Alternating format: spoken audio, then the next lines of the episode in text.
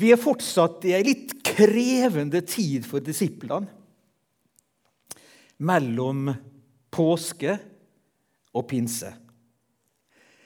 Og På en måte så kan vår koronatilværelse i dag sammenlignes med disiplene sin situasjon i den, denne tida mellom påske og pinse. Ikke på så mange måter, men på én måte. I dag så er det slik for oss at vi veit hva vi hadde før pandemien kom. Vi visste om det livet som var da, det vi kunne regne med. Og så er vi midt i ei tid nå med pandemien som gjør at det skap, gjør oss urolige. Vi veit ikke egentlig hva dette fører til. Både i vårt land, utover verden. Selv om her i Norge så ser det ut som en har kontroll på det, så veit vi ikke. Vi er inne i ei usikker tid. Og vi veit heller ikke hva som skal egentlig komme ut på andre sida når dette er over. Hva blir da normalen? Det veit vi egentlig ikke. For disiplene sin del de visste det, om det som hadde vært. De hadde vært sammen med Jesus i tre år. De hadde lært han å kjenne at han var Guds sønn, erkjente at han var Messias, han som de venta på. De hadde hatt tre begivenhetsrike år sammen med Jesus. Men den siste tida hadde imidlertid vært enda mer dramatisk. Jesus hadde blitt tatt til fange. Han hadde blitt dømt til døden på korset og lagt i ei grav. Men så fikk de erfare det at han var ikke lenger i grava. Han var sterkere enn døden. Han hadde stått opp igjen fra de døde. Og de hadde møtt han flere ganger etterpå. De hadde snakka med han. De hadde tatt på han. De hadde spist sammen med han. Han var faktisk stått opp. Han var levende. Han var ikke lenger død. Han hadde stått opp fra de døde. Men nå hadde han igjen forlatt dem. Han hadde blitt tatt opp mot himmelen. De hadde bare stått der og sett på ute på fjellet der, sett at Jesus for opp til himmelen helt til at ei sky dekka for, slik at de ikke så han lenger. Jeg tror ikke det skal så veldig mye fantasi til å forstå at de kunne kjenne på usikkerhet. De visste ikke hva som skulle komme. Jesus hadde sagt noe om det, men allikevel kan de tenke meg at spørsmålet lå der. Hva skulle fremtida bringe? Hva skjer nå? Og Så ser vi ut fra det som er teksten for dagen i dag, og vi skal utvide også teksten til å gjelde litt mer enn de to versene som teksten er. Vi ser det at Gud fortsatt er med deg. Gud hadde ei framtid for deg. Gud hadde en tanke med den tida som nå skulle komme, og det var ei viktig tid som skulle komme. Slik skal vi også få lov til å tenke midt i vår usikkerhet i dag. Tenke der det at vi er ramma av noe som skaper usikkerhet for oss. Gud er der. Han er der midt i våre liv. Samme hva som skjer. Om det er pandemi, om det er dødskrefter som truer oss, så får vi lov til å hvile i Guds hånd med våre liv og stole på at Gud, han har en vei for oss videre. Du verden, for en, for en trygghet vi som troende kan ha. Midt i det usikre. Å vite det at Gud har en vei videre. Det er ikke noe som kan sette en stopper for Guds vei. Gud har en vei videre også i ditt liv. Så langt ei lita sånn sammenligning til å begynne med i dag, knytta til teksten.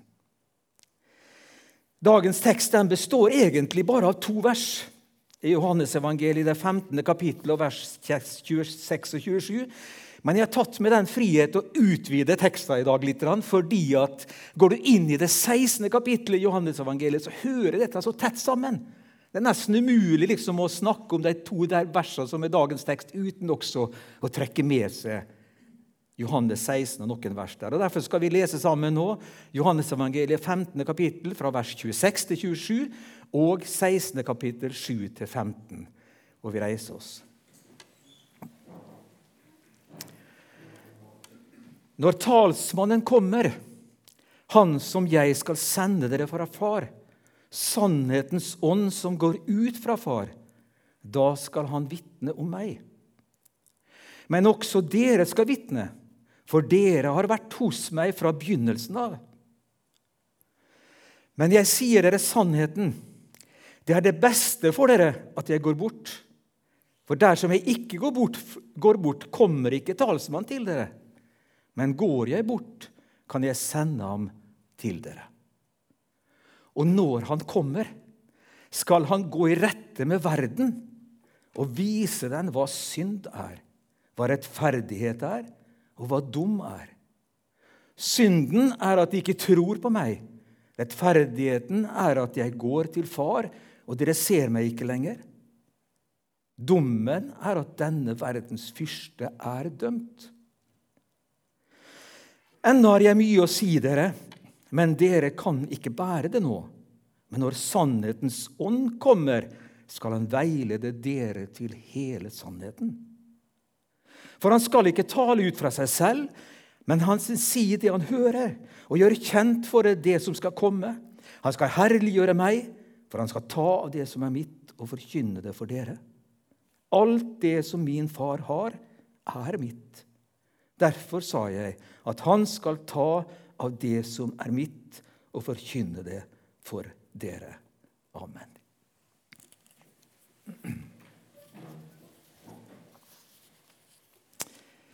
Jeg har lyst til i dag ut fra denne teksten og disse versene, som jeg altså har utvida teksten litt, og tatt med den frihet, så eh, har jeg lyst til å sanse for følgende.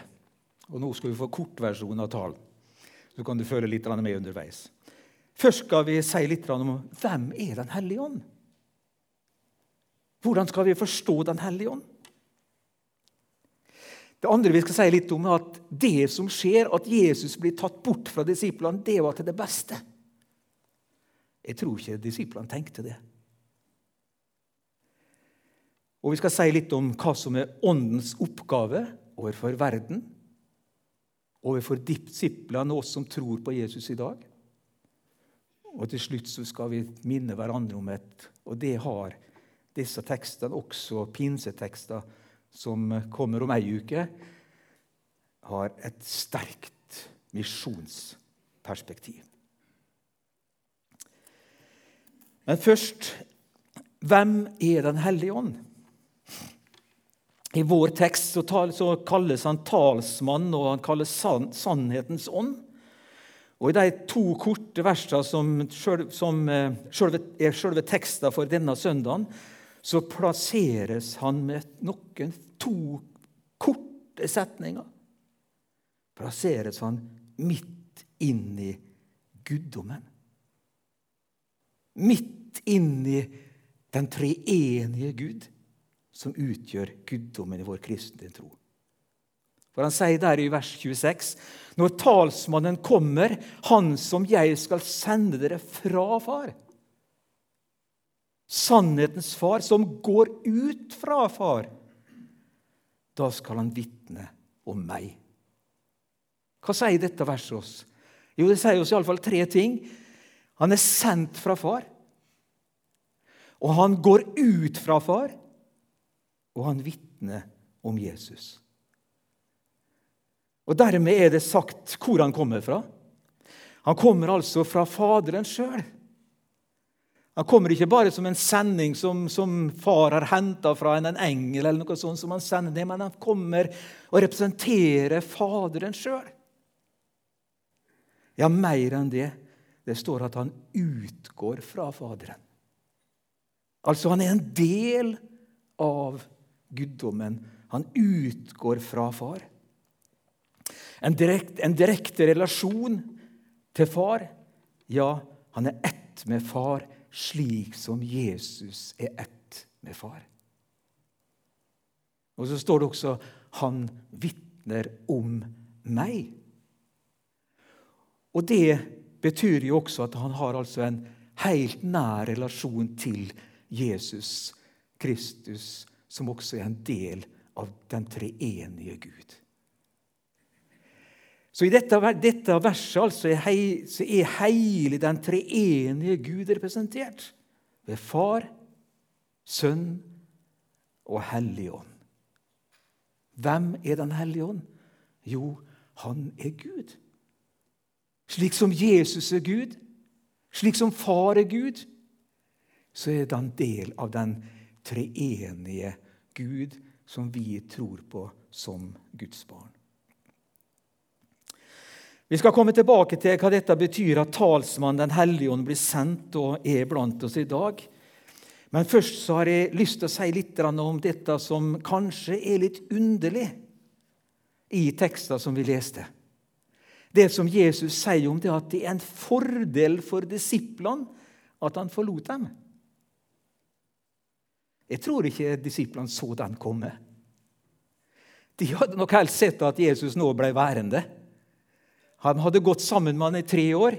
De hadde mista han fordi han døde på korset, men han hadde vist at han seier over døden og sto opp igjen. Og Nå var han endelig Vi kan møte han, vi møter han med jevne mellomrom. Vi kan snakke med han, vi kan være sammen med han, vi kan ta på han, vi kan spise sammen, vi kan være i fellesskap med han. Dette vil vi gjerne fortsette med. Det tror jeg disiplene tenkte. Men så sier altså Jesus det at han vil nå forlate dem. Og det at han forlater dem, det er en fordel for dem. Fordel? At de skulle miste han? Vi som leser dette avsnittet i, i vår nåtid i dag i ettertid, og som, som ser det i lys av det som har hendt seinere, og har skjedd helt opp til vår tid, vi kan kanskje forstå det bedre at det var en fordel. For Det som så langt hadde vært, det var at Jesus hadde vært sammen med disiplene. De hadde lært han å kjenne, vandra sammen med han. En helt spesiell erfaring. Og vi kan jo stille spørsmålet kan det bli bedre. Tenk om du skulle få til å vandre sammen med Jesus, da ha han fysisk ved siden av det her, og snakke med han og være sammen med han. Du verden! Det hadde vært noe.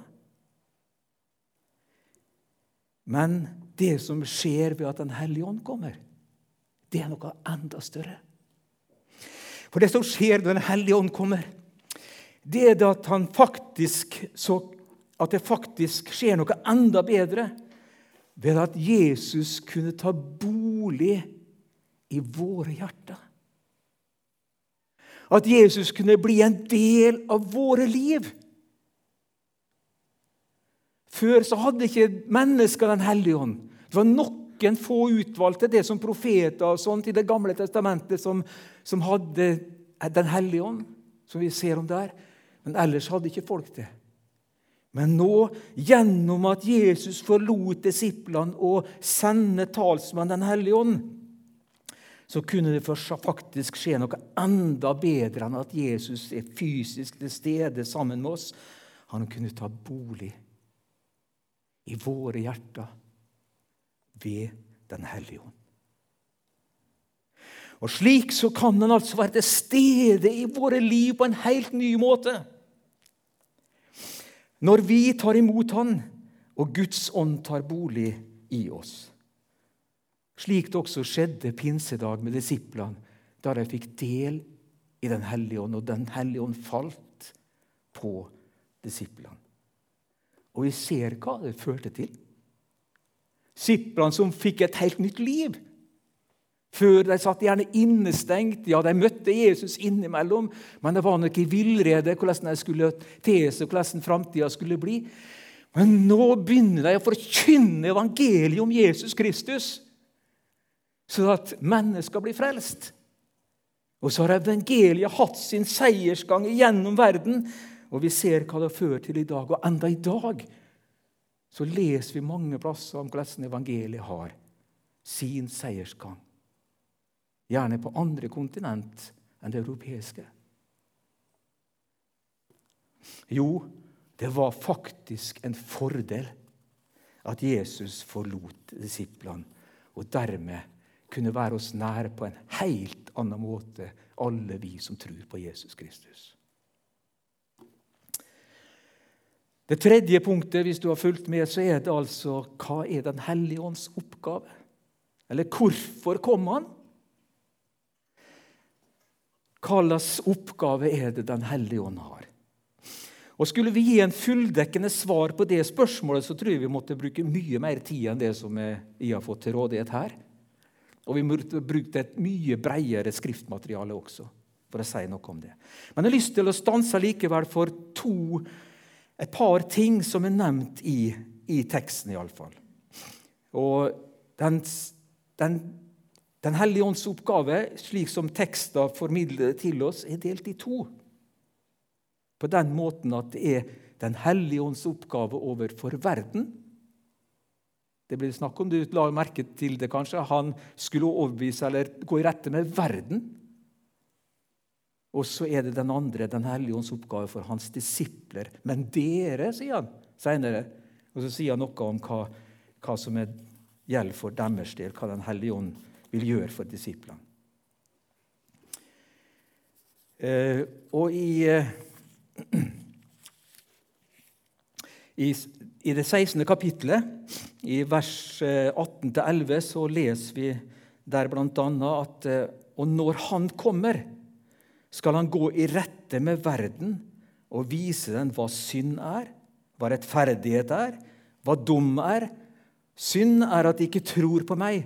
Rettferdighet er at jeg går til Far, og dere ser meg ikke lenger. Dommen er at denne verdens fyrste er dømt. Altså Den hellige ånds oppgave overfor verden er dette å gå i rette med verden, eller som det står i annen oversettelse, da han vil overbevise verden om de ulike ting som er nevnt. Han vil altså overbevise alle mennesker. Som det også vil lese annet sted om det at Gud vil at alle mennesker skal bli frelst. Evangeliet må ut. Han overbeviser om synd, står det. Og så forklarer han like etterpå at de ikke tror på meg, altså på Jesus. Den hellige ånd vil altså overbevise om at vi er syndere som trenger å bli frelst.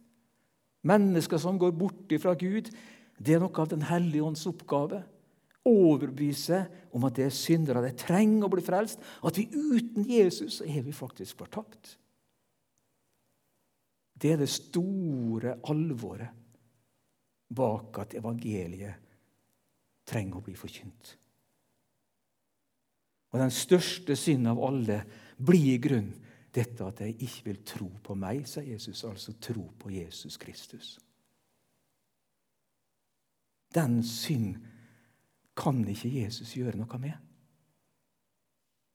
Hvis du ikke vil tro.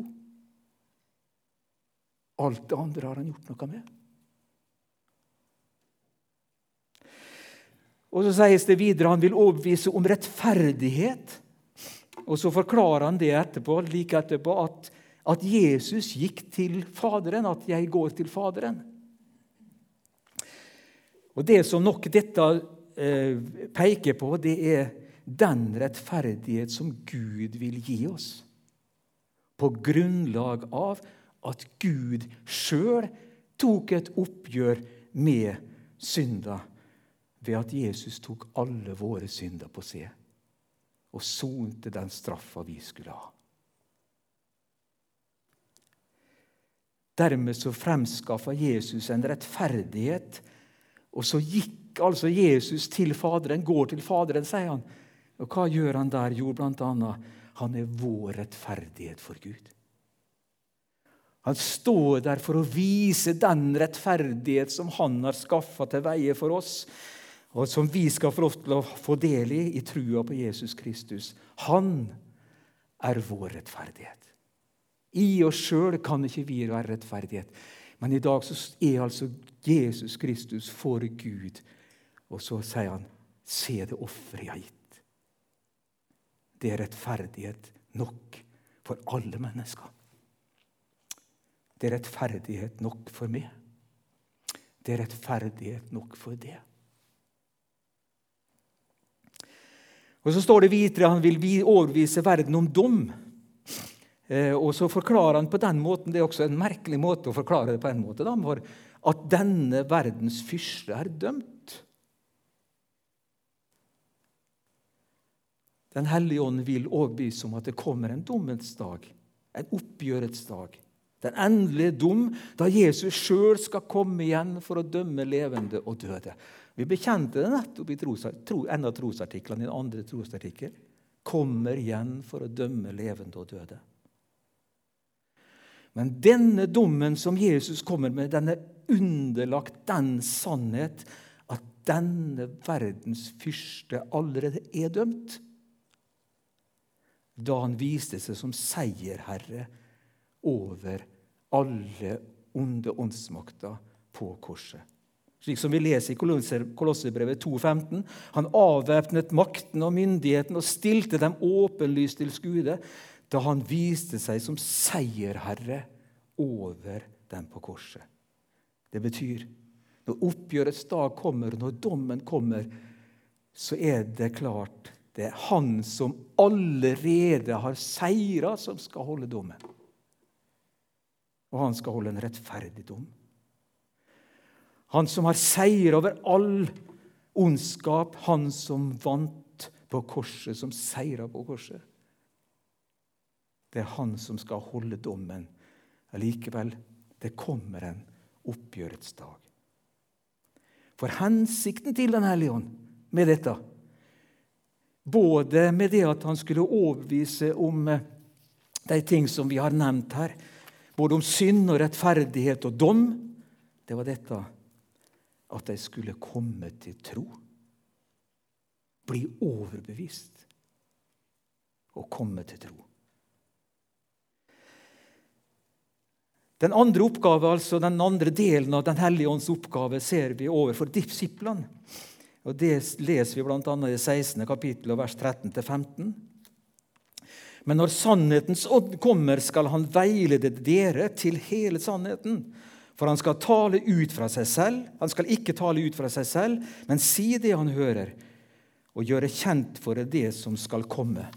Han skal herliggjøre meg, for han skal ta av det som er mitt, og forkynne det for dere.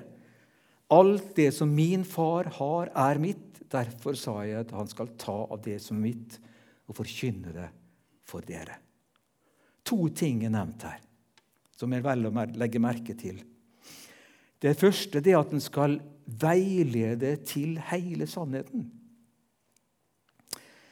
Og det, det, det uttrykket har på en måte i alle fall to lag. Det første laget om vi skulle si det sånn, det er det at Den hellige ånd skulle ha en helt spesiell rolle overfor disiplene. De som hadde vandra sammen med Jesus gjennom flere år. Som det sto også, 'Dere har vært hos meg fra begynnelsen av'. Den hellige ånd skulle minne disiplene på hva Jesus hadde sagt dem, veilede dem til den hele og fulle sannheten. Disiplene var det som vi kunne kalle for åpenbaringsbærere. Den hellige ånd overbeviste dem, veiledet dem, slik at de fikk, fikk på en måte formidla det som var Guds åpenbaring til oss, knytta til særlig Det nye testamentet, men også knytta bakover til Det gamle testamentet. Men særlig dette hva Jesus betyr, hva som ligger i evangeliet, hva slags betydning evangeliet får. Og Slik så har vi i dag fått evangeliet. Vi har fått Det nye testamentet som en viktig del av Bibelen. Guds åpenbaring til oss. Og slik ble også åpenbaringa fra Gud, Guds ord, til oss fullendt. Det betyr at i og med at Den hellige ånd veileder disiplene, apostlene, så betyr det at vi har dermed fått Guds fulle åpenbaring slik Gud ville gi den til oss. Det betyr ikke at vi ser alt, at vi vet alt av Guds tanker, og sånt, men han har gitt oss det vi trenger. Og det kan vi være sikre på. Det som han ville gi oss, er dermed også gitt oss. Og Så ligger det også den andre lag i dette. Ikke bare at han skulle veilede disiplene på denne måten, men han skulle også lede oss til sannheten. Men da leder han oss gjennom at det er knytta til dette ordet, som er formidla til oss, og som er Guds åpenbaring til oss. Slik at vi, når vi lytter til dette ordet, når vi leser ordet, så skal vi være trygge på det at da blir vi også, kan vi finne fram til sannheten, og Ånden kan virke i våre liv, slik at vi ser det og åpenbare det for oss. Og det er bare Ånden som kan vise det. Det er bare Han som kan gjøre den gjerning i våre liv. Den andre oppgaven som er nevnt i teksten om Den hellige ånds oppgave for disiplene, det er at han vil herliggjøre Jesus for oss. Som Jesus sier det her også. Den hellige ånd har altså en overordna målsetting for sin gjerning. Det er å opphøye Jesus. Det er å peke på Jesus. Det er å vise hva Jesus har gjort. Det er å, å herliggjøre Jesus for oss. Og vise oss hva han har gjort for oss og er for oss, og hans opphøyde storhet. Slik at vi ser hele tida, lever i dette, at vi har bruk for han. At vi er avhengig av han. At vi ikke skal greie oss uten Han og holder oss til Han og blir værende i Han. At vi kan prise og takke Han og opphøye Han for Hans navn. Det er Den hellige ånd ønsker å gjøre Jesus stor. Og i alt dette så gir Den hellige ånd oss kraft. Som det står også i apostelgjerningene 1.8. Dere 1,8.: Dere skal få kraft i det Den hellige ånd kommer over dere. Gjennom sin oppgave, sin virksomhet, så gir han oss kraft til å være Guds barn, til å leve som Guds barn. For en gave! For en gave han ga oss når han forlot oss, når han forlot disiplene. Det var en fordel. Og til slutt, bare helt kort, så ligger det ikke minst et sterkt misjonsperspektiv i dette at Ånden, eller talsmann, Den hellige ånd, kom. Slik som sannhetens ånd vitner om Jesus og overbeviser mennesker, så de, må, så de kommer til tro, så står det slik skal også dere være vitner. Vi leste det i 16. kapittel, i det 17. verset. Men også dere skal være vitner. Og hvis vi leser i, først i apostelgjerningene 1,8, i det som vi siterte fra i stad, og fortsetter det verset, så står det, står det, ikke bare 'dere skal få kraft når Den hellige ånd kommer over dere', men det fortsetter 'og dere skal være mine vitner i Jerusalem, i hele Judea, i Samaria og helt til jordens ender'. Vi skal være vitner. Disiplene var vitner. Du og vi, vi skal være vitner om det samme. Og han sa han kaller sannhetens ånd.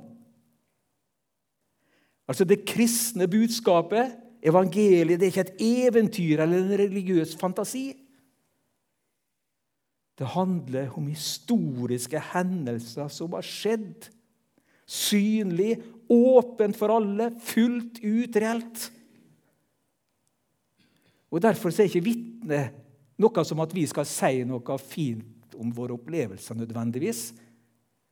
Men vitne er først og fremst være vitne at det som er fortalt om Jesus Kristus, er sant.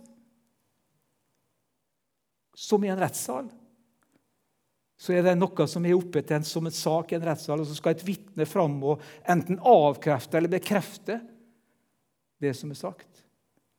Og vår oppgave som kristne er nettopp å bekrefte Si ja til det som Jesus har sagt, og for å være med å fortelle det videre og spre det budskapet videre.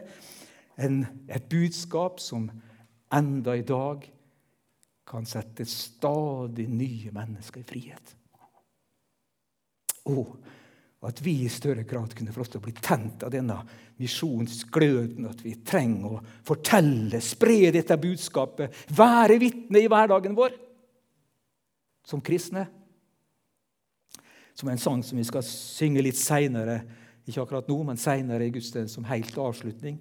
Rop det ut med hjertets jubel, gledesbudet fra ham selv. Livet kan bli nytt fra nå av. Slettet ut er skyld og gjeld. Himmelske Far, vi takker deg for det at du ga oss Den hellige ånd Takk for at du kan overbevise verden. Takk for at du kan overbevise oss, og at du har overbevist oss om at vi ja, vi er syndere, men vi skal få lov til å ta vår tilflukt til det, Jesus. Og du viser oss det som Helligånd viser oss det som du, Jesus, har gjort for oss og er for oss. Og så ber jeg om at dette måtte skape kraft i våre liv, slik at vi også kunne være vitne om disse store, viktige sannhetene også i vår tid.